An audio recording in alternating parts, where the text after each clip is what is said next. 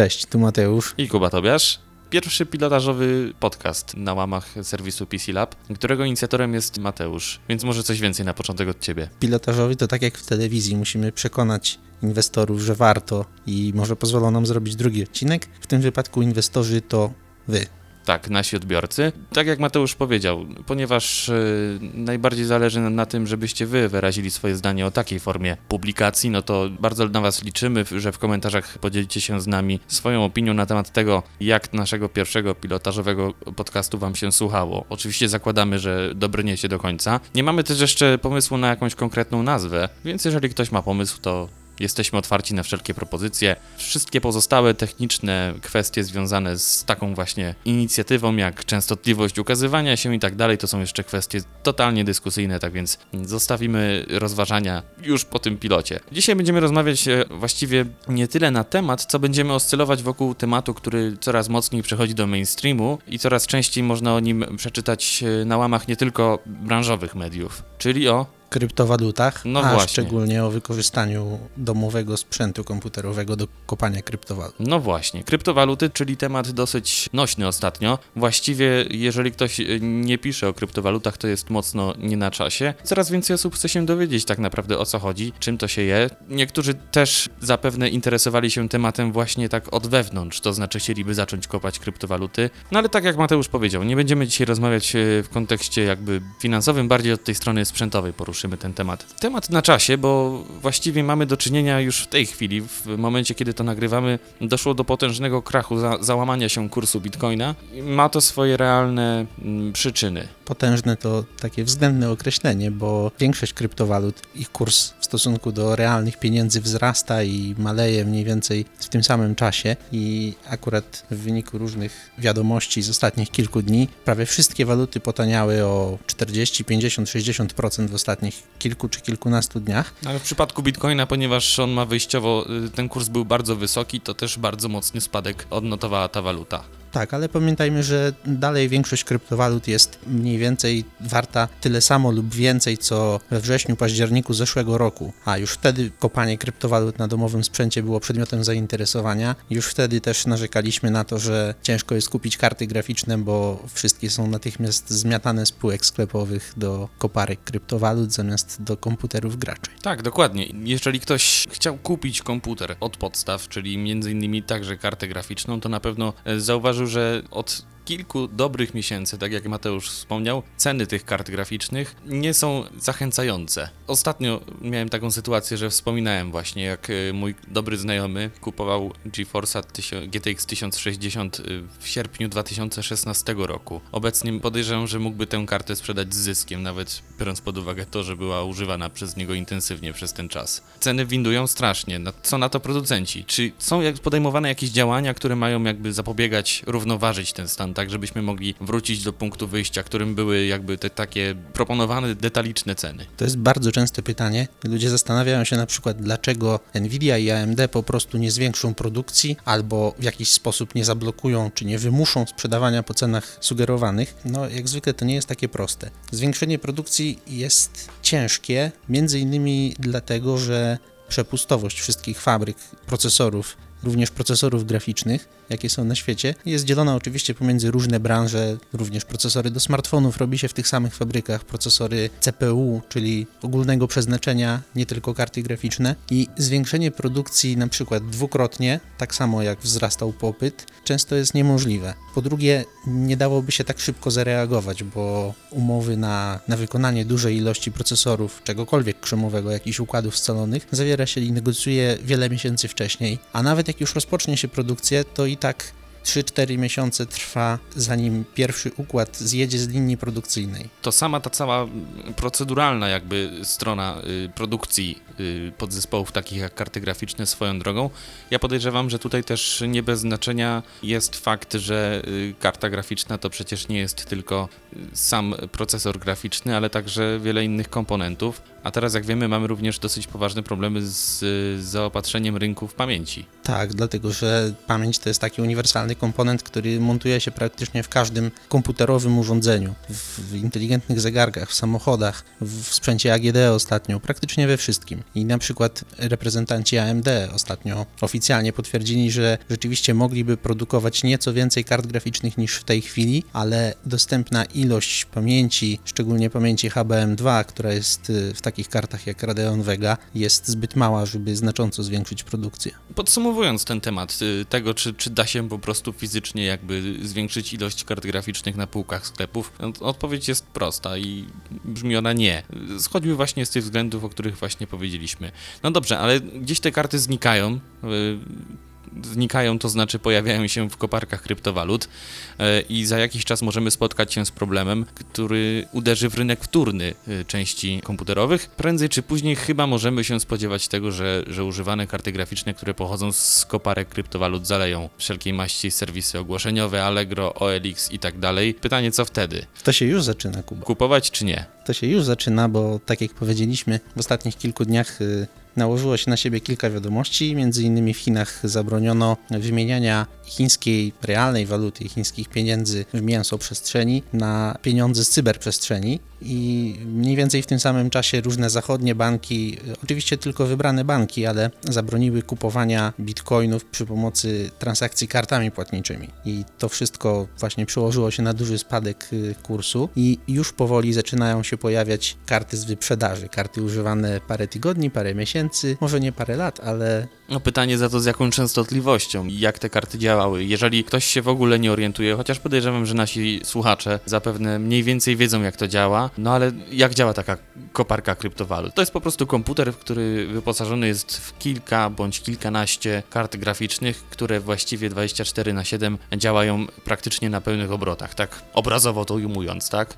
Jeżeli ten sprzęt trafia na rynek wtórny, to mamy często do czynienia z kartami, które są już mocno wyeksploatowane. Zupełnie inaczej działały niż y, producent przewidywał to w przypadku powiedzmy casualowego gracza, który codziennie spędzi y, nawet kilka godzin grając, nie wiem, w Countera czy, czy w Wiedźmina. Nie, w koparce kryptowaluty taka karta graficzna 24 na 7 praktycznie działa na pełnych obrotach i jego jedynym zadaniem jest jakby wykopać tę, tę kryptowalutę Ostatnio już od dłuższego czasu przebija się do świadomości tych y, również domowych górników dbanie o efektywność energetyczną. Taka karta graficzna y, może mieć prawie taką samą wydajność jak na parametrach fabrycznych, jeżeli nawet znacznie obniży się napięcie zasilania rdzenia, napięcie zasilania procesora i nieznacznie obniży się taktowanie. I na szczęście w wielu koparkach, a przynajmniej u wszystkich inteligentnych górników, właśnie tak karty powinny działać, więc nie można powiedzieć, że są całkowicie zużyte albo zajechane, szczególnie, że taki sprzęt jest jednak obliczony na dużą trwałość przy zwyczajnym użytkowaniu, wyjąwszy jakieś wypadki losowe.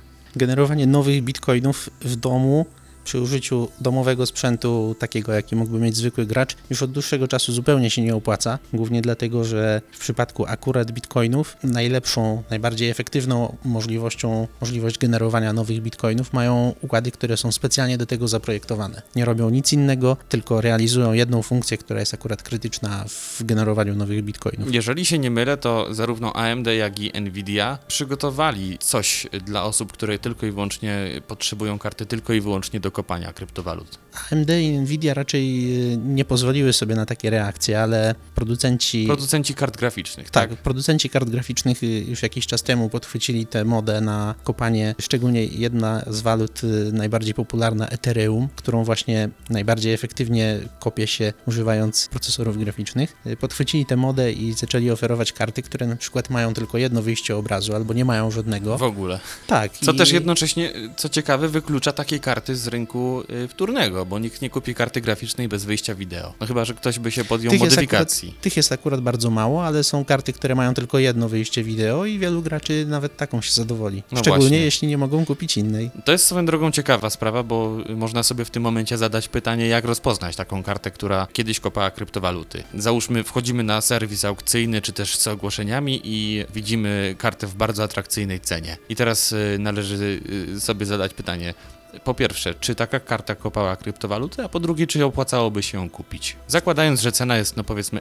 atrakcyjna. To też jest względne pojęcie. Myślę, że dzisiaj i w najbliższych kilku dniach to można z góry założyć, że tak, kopała, bo kto by chciał dzisiaj sprzedawać w atrakcyjnej cenie kartę graficzną? Zagorzały gracz raczej czekał na ten moment, kiedy ceny spadną i właśnie dzisiaj i w kilku najbliższych dniach będzie zainteresowany kupieniem, a nie sprzedaniem. A gdybyśmy już mieli taką kartę, to raczej nie da się poznać, przynajmniej niedomowymi sposobami, w jaki sposób była używana, ani czy któryś z elementów, któryś z podobwodów jest w jakiś sposób zniszczony, ani czy ta karta jest bliżej usterki albo bliżej końca swojego życia. Raczej trzeba się sugerować zachowaniem sprzedawcy i okolicznościami sprzedaży. Ale muszę zaznaczyć, że nie do końca wiadomo, czy to jest coś złego, bo można by było powiedzieć, że to trochę tak jak z używanymi rakietami SpaceX. One są już, już dowiedziono, że działają i że są wytrzymałe. A jak twierdzą sami producenci kart graficznych, na przykład oficjalna wypowiedź AMD na ten temat, która jakiś czas temu się przewijała przez internet, mówi, że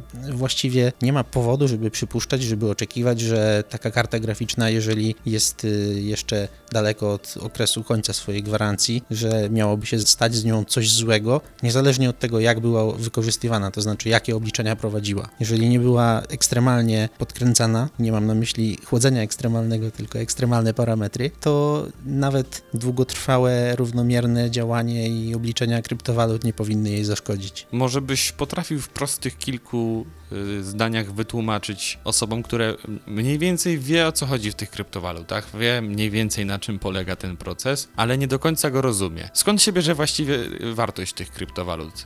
Co to tak naprawdę jest i co te karty graficzne muszą robić, żeby, żeby wykopać taki kawałek Ethereum czy Bitcoina? Nie jestem w tym ekspertem, ale wydaje się, że większość kryptowalut, wszystkie, które znam, to jest jedna część tej kryptowaluty, to jest pewien blok danych, który jest zapisem transakcji. Zapisem zwykle wszystkich transakcji, które dokonano wcześniej przy użyciu tej kryptowaluty. Ponieważ krypto w słowie kryptowaluty pochodzi od kryptografii, od szyfrowania, to dlatego, że te zapisy, te bloki danych, ich autentyczność jest gwarantowana przez różne procesy szyfrowania. Niezwykle ciężko albo wręcz niemożliwe jest ich sfałszowanie. Dokonywanie transakcji takimi kryptowalutami jest zupełnie zdecentralizowane, czyli nie ma jakiejś, jakiegoś centralnego bytu, który nadaje wartość, określa, które części tej kryptowaluty są autentyczne, a które nie i jaką transakcję wolno lub nie wolno przeprowadzić. To jest zupełnie rozłożone pomiędzy wszystkich użytkowników większości kryptowalut. W związku z tym, że kryptowaluty są takim niefałszowalnym i niezniszczalnym, ponieważ są rozłożone na wielu użytkowników, zapisem jakichś transakcji, to same w sobie mają pewną użyteczność, ale to jest tylko jeden z czynników, który stanowi o ich cenie czy o wymienialności na zwykłą, realną walutę, za którą można kupić dobra fizyczne. A druga rzecz, która powoduje, że kryptowaluty mają dużą wartość, to taka, że no właśnie są popularne, Ludzie y, wiele o tym słyszą. Ludzie też wiedzą, że jest to dobro, które jest w jakimś stopniu ograniczone, szczególnie w przypadku bitcoinów, bo wiele kryptowalut jest nieograniczonym, nieskończonym zasobem, którego może cały czas przybywać, ale na przykład y, bitcoin ma pewien limit i wiadomo, że nigdy na świecie nie będzie więcej niż pewna liczba bitcoinów i już w tej chwili jesteśmy daleko powyżej dwóch trzecich, czyli jakby zostało niewiele. Ze względu na tą popularność, ludzie nawet nie do końca rozumiejąc, co mieliby w rzeczywistości zrobić z tym cyfrowym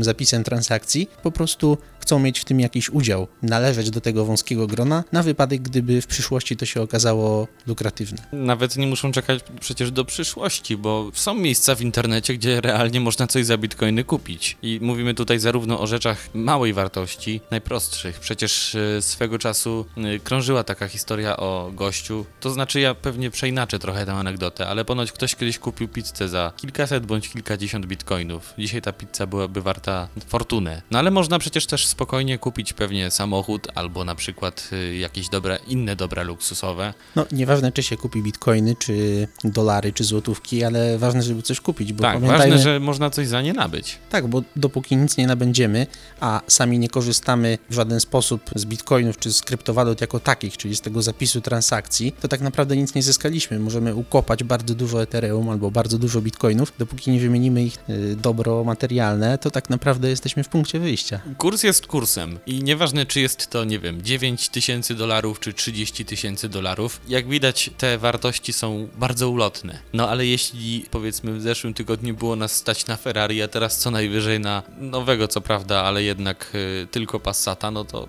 jest zasadnicza różnica. Przejdźmy dalej. Dlaczego bitcoiny bądź też inne kryptowaluty, podejrzewam, że większość, chociaż y, być może tutaj jakieś nowe światło na sprawę rzucisz. Dlaczego nie używa się do tego celu procesora, CPU? Dlaczego karty graficzne kopią bitcoiny, a nie zwyczajne y, CPU intelowskie, bądź AMD, bądź jakiekolwiek inne? Pierwszy taki prozaiczny powód to jest taki, że procesory paradoksalnie nie są wcale efektywnymi maszynami obliczeniowymi. Procesory są bardzo dobre w wykonywaniu kodu, który jest dość skomplikowany, nieprzewidywalny, ma dużo rozgałęzień. Zwykle to rzeczy, które, gdzie obrabia się niewiele danych, ale ich obróbka zależy w jakiś sposób od interakcji z użytkownikiem, z tym, kto używa komputera. W przypadku kopania kryptowalut zadanie obliczeniowe jest z góry znane. Wiadomo, co trzeba zrobić, wiadomo mniej więcej, można oszacować, ile i jakich danych będziemy potrzebować, i stąd jest możliwe stworzenie takich układów, właśnie jak do kopania bitcoinów, które nie robią nic innego, specjalizują się tylko w tym jednym rodzaju obliczeń. I tak samo karty graficzne. To są bardzo dobre maszyny do przetwarzania wielkiej ilości danych w przewidywalny, regularny sposób. Procesory są po prostu zdeklasowane pod tym względem. Na tym właśnie polega jakby w ogóle praca kart graficznych, czy to przy kopaniu kryptowalut, czy to w odtwarzaniu obrazu na przykład z gry. Y, Karta dostaje określone instrukcje, które z góry już zna i po prostu jakby na bazie tych instrukcji generuje jakiś obraz, który pojawia się na ekranie monitora bądź też telewizora. Tak jest. Po prostu tak się złożyło, że te rzeczy, do których już wcześniej zaprojektowano karty graficzne, nagle okazały się być bardzo podobne do innych zadań. i mają zastosowanie praktyczne na przykład w kopaniu bitcoinów. To, że nagle ceny procesorów wywindują w górę, bądź też nagle rynek wtórny zaleją procesory, które kopały wcześniej kryptowaluty, raczej nam nie grozi. Uspokajamy się pod tym względem, tak? Raczej nie, nie grozi. Przy obecnych cenach e, wszelkiego rodzaju pamięci i przy obecnych cenach kart graficznych, wszelkie newsy o tym, że kolejne podzespoły nie będą coraz droższe, są zawsze mile widziane. Ale to nie znaczy, że na procesorze nie można, nie można w żaden sposób zyskać dzięki kryptowalutom. Na przykład ostatnio mm, też y, obiegła internetechem y, taka wiadomość podana przez jednego z, y, jedną z osób związanych z działem technicznym w AMD, która zwróciła uwagę na to, że jedną z kryptowalut, Monero, można dość efektywnie kopać na procesorach AMD. Oczywiście na pewno nie opłaca się inwestycja w sprzęt tylko po to, żeby kopać Monero, ale jeśli już ktoś ma taki komputer, z, akurat z jednym z nowszych procesorów AMD, to nie tylko może zarobić na prąd, ale jeszcze troszeczkę na tym zyskać. Myślę, że i ja i ty mamy jakiegoś e, kolegę, a jeśli nie kolegę, to kogoś, mamy kto wielu wspólnych kolegów, pamiętaj. tak, ale na pewno też y, albo znasz osobiście kogoś, albo znasz kogoś, kto zna kogoś, y, kto kupił wiele lat temu kilka bitcoinów i dzisiaj uważa się za bogatego, albo stracił je w jakiejś. Y, dziwny sposób, na przykład zapomniał klucz do portfela. Zgubił, zgubiły się te dane, które są potrzebne do, do odczytania tego, Na co się przykład. ma i, i po prostu te bitcoiny już przepadają, bo tego się nie da w ogóle odzyskać. Oczywiście, jakby jedną z zasad takich, które leżały u podłoży w ogóle stworzenia jakichkolwiek kryptowalut było to, że mają być nie do zduplikowania, nie do sfałszowania i też często nie do wyśledzenia, więc jeśli się zgubiło, no to niestety nikt nam w tym nie pomoże. To, co mówiliśmy o procesorach, o tym, że niezbyt dobrze da się na nich kopać kryptowaluty, a właśnie na wyspecjalizowanych układach albo na kartach graficznych dość dobrze, to prowadzi nas do takiego tematu, że właściwie to nie działa tak, jak założyliby sobie twórcy kryptowalut czy ory- oryginalni pomysłodawcy. Wiele ludzi uznałoby za takiego wizjonera czy pomysłodawcę twórcę bitcoinów. To jest tajemnicza osoba, ukrywająca się pod japońskim imieniem i nazwiskiem, y, prawdopodobnie pseudonimem. Przepraszam, masz swój typ? Kto to może być? Bo jest ki- kilka osób, które są typowane do tego. Nie, i uważam, że te plotki czy przypuszczenia, że to Elon Musk to bzdura. Wszystkie, prawie wszystkie kryptowaluty z założenia mają być egalitarne i zdecentralizowane. To są dwa skomplikowane słowa, dłuższe niż marmolada, które oznaczają, że każdy użytkownik, niezależnie od tego, jaką ma w realnym świecie, jaki ma majątek i jakie ma możliwości, powinien mieć taki sam wpływ lub udział w kryptowalutach lub wpływ na wartość kryptowalut. A zdecentralizowane to znaczy, że wartość kryptowalut i wszystkie te, tak jak mówiłem, bloki danych, te zapisy o transakcjach, i w ogóle możliwość dokonywania tych transakcji też musi być w zasięgu każdego i nie może, nie powinna być skupiona w jednych rękach. Tymczasem właśnie poprzedni krach bitcoinów, który był parę lat temu, był związany z tym, że okazało się, że bitcoiny wcale nie są do końca ani zdecentralizowane, ani egalitarne, bo ludzie, którzy mogli sobie pozwolić na wyprodukowanie dużej liczby tych układów wąsko wyspecjalizowanych, o których mówiliśmy, mogli bardzo szybko stworzyć, wykopać, wygenerować tyle tych bloków danych, że zaczęli kontrolować dużą, nawet bardzo dużą część wszystkich istniejących bitcoinów. I wszystkie działania, które prowadzą do jakiejś centralizacji, czyli w ogóle budowanie koparek, które mają dużo kart graficznych, powoduje, że wtedy ludzie czy jakieś instytucje, które mają specjalne farmy do kopania kryptowalut, zaczynają kontrolować proporcjonalnie zbyt dużo, zbyt dużą część tej kryptowaluty w porównaniu do zwykłych ludzi, którzy dysponują tylko jednym procesorem i jedną kartą graficzną. Tak jak na przykład Monero zostało stworzone częściowo w odpowiedzi na to, że inne waluty właśnie okazały się niezbyt równe i niezbyt niecentralne, tak można się spodziewać, że z czasem większość kryptowalut wyewoluuje w tym kierunku, żeby jednak były właśnie niecentralne i w miarę równe, czyli raczej nie należy się spodziewać, że będą potrzebowały jakiegoś wysoko wyspecjalizowanego sprzętu albo dużych ilości tego sprzętu. Zastanawiam mnie, czy w jakiś sposób kopanie kryptowalut, bo jednak są to, są to operacje na danych. Jakieś tam dane po- powstają w wyniku tego kopania. Czy można to w jakiś sposób wykorzystać? Czy na przykład może już istnieje taka waluta, bądź też da się w jakiś sposób zaadoptować to, co jest w tej chwili już dostępne? Czy można by wykorzystać na przykład tę moc obliczeniową wspólnie tych wszystkich kart graficznych, które kopią te bitcoiny do jakichś zastosowań typu, nie wiem, obliczenia w służbie nauki? Teoretycznie tak i słyszałem, że już y, były podejmowane, czy są podejmowane takie próby. Po prostu nie wgłębiałem się w ten temat, więc nie wiem, czy obecnie jakaś kryptowaluta operuje na tej zasadzie. To, co mówisz, y, prowadzi do jednego z największych zarzutów, jakie wielu ludzi ma do kryptowalut, czyli tego, że ponieważ nie widzimy na razie, czy nie wykorzystujemy w pełni użyteczności tych zapisów transakcji, tych kryptowalut, ich praktycznej użyteczności, tej oderwanej od kursu wymiany na realne waluty, to tak naprawdę w pewnym sensie marnujemy tę moc obliczeniową, a przecież już od dawna są znane i były popularne kiedyś sposoby na spożytkowanie jej właśnie dla dobra ludzkości albo No jakichś właśnie, grup. swego czasu można było przecież z moc obliczeniową swojego komputera na przykład w pewnym wymiarze czasowym przekazać na rzecz na przykład projektu badawczego, tak żeby nasze komputery w jakiejś tam sieci mogły wykonywać obliczenia na przykład y,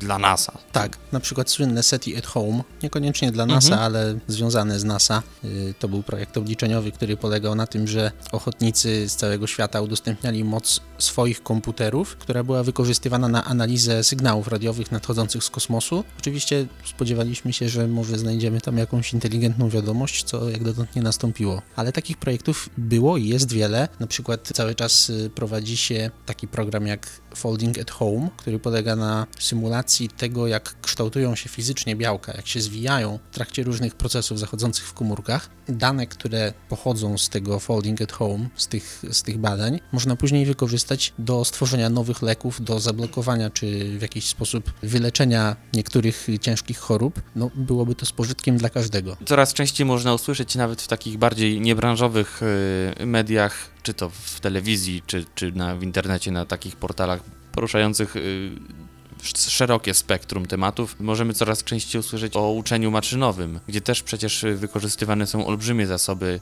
y, mocy obliczeniowej. Y, Być może tutaj można by to w jakiś sposób wykorzystać. Nie wiem, ale wydaje mi się, że kryptowaluty nie są dużą konkurencją dla uczenia maszynowego. Przede wszystkim dlatego, że większość y, praktycznych zastosowań uczenia, uczenia maszynowego, jakie rzeczywiście już dziś się używa, polega na tym, że pewien model, czyli tą sieć neuronową, czy maszynę, która ma się nauczyć jakiegoś zadania, trenuje się czy uczy na dużym zbiorze danych w jakimś centralnym miejscu, a później na komputerach czy jakichś maszynach obliczeniowych zwykłych ludzi uruchamia się już wytrenowany model. To można robić przy użyciu znacznie mniejszych procesorów, a nawet wyspecjalizowanych układów, jakie na przykład ostatnio zaczynają się pojawiać w telefonach komórkowych. Do uczenia maszynowego pewnie jeszcze wrócimy, ale dzisiaj o kryptowalutach. Czy czeka nas jakaś rewolucja? Nie powiedziałbym tak. Ja nie spodziewam się żadnej rewolucji. Myślę, że takie wahania kursu, jakie w ostatnich kilku dniach się wydarzyły. Nawet tak wielkie. Tak, nawet tak wielkie. Chyba jest, są naturalne po prostu w Tak. przypadku kryptowalut. to jest naturalna rzecz w przypadku każdej nowej dziedziny, wszystkiego, co jest nowe i można w to jakoś ekonomicznie zainwestować. Ludzie jeszcze nie wiedzą, co o tym sądzić, jak się zachować, w co się opłaca, w co nie opłaca inwestować. Wielu z tych inwestorów nie ma jakiegoś planu czy pomysłu, y, jak się zachować w przypadku, gdy właśnie kurs nagle spadnie, albo pojawią się jakieś rządowe regulacje, albo nastroje społeczne się zmienią. No właśnie, bo przecież to ma też odniesienie i jest analogiczne do takiej tradycyjnej giełdy. Nie, nie, to nie jest dla każdego. Tam się podejmuje ryzyko i trzeba się liczyć z tym, co, co przyniesie koniunktura. A bardzo ciekawe jest to właśnie, o czym powiedziałeś, że coraz e, częściej kryptowaluty próbują też uregulować jakby instytucje państwowe, bo przecież e, coraz więcej słyszymy o tym, że albo kolejny bank e, blokuje konto osobie, która przy pomocy tego konta w jakiś sposób obraca kryptowalutami, a to Komisja Nadzoru Finansowego wypuszcza kolejny komunikat na temat tego, że ostrzega przed kryptowalutami i tak dalej. Koniunktura jest w tym przypadku bardzo niestabilna i w zasadzie z dnia na dzień coraz więcej nowych informacji na temat tego, jak te kryptowaluty y, funkcjonują w naszym świecie. Słyszymy zresztą, kryptowaluty coraz częściej pojawiają się w mainstreamie, bo coraz więcej osób to interesuje i coraz więcej osób chce po prostu czegoś więcej na ten temat wiedzieć i coraz więcej można właśnie usłyszeć o kryptowalutach w kontekście różnego rodzaju regulacji. udział jakichkolwiek dużych instytucji, albo finansowych, albo państwowych, tak naprawdę jest trochę e, wypaczeniem czy ciągnięciem kryptowalut w inną stronę. I spodziewam się, że z czasem przestanie się cenić kryptowaluty ze względu na ich popularność czy hype, jaki się nakręci w internecie i w mediach na to, a w końcu ich wartość zacznie odzwierciedlać praktyczne wykorzystanie, czyli właśnie możliwość śledzenia i dokonywania transakcji i robienia tego bardzo szybko i właśnie w niecentralny sposób. Proszę zachować spokój. Nie ma powodów do paniki, chyba że właśnie niedawno kupiliście bardzo dużo kart graficznych. Wtedy, no cóż, czas otworzyć kafejkę internetową. To jest jakieś chyba 20 lat za późno. Wcale nie. Wielu Koreańczyków by się z tobą nie zgodziło. No, Korea to zupełnie, wiesz, inne warunki. Także jeś, jeśli ktoś jest z Korei i kupił ostatnio dużo kart graficznych, to winszujemy. Wszystkim innym serdecznie współczujemy. I to by było na tyle, jeśli chodzi o pierwszy nasz pilotażowy odcinek podcastu. Mam nadzieję, że słuchało się tego całkiem przyjemnie. Przypominam, jeżeli macie jakąś podpowiedź dla nas co do tego, jak moglibyśmy nazwać naszą audycję, bądź też po prostu jakiś feedback, czy wam się podobało, czy nie, to piszcie w komentarzach mm, pod tym artykułem. Za dziś dziękuję wam Mateusz Brzostek. I Kuba Tobiasz. Do usłyszenia w kolejnym odcinku. Mam nadzieję, że niebawem.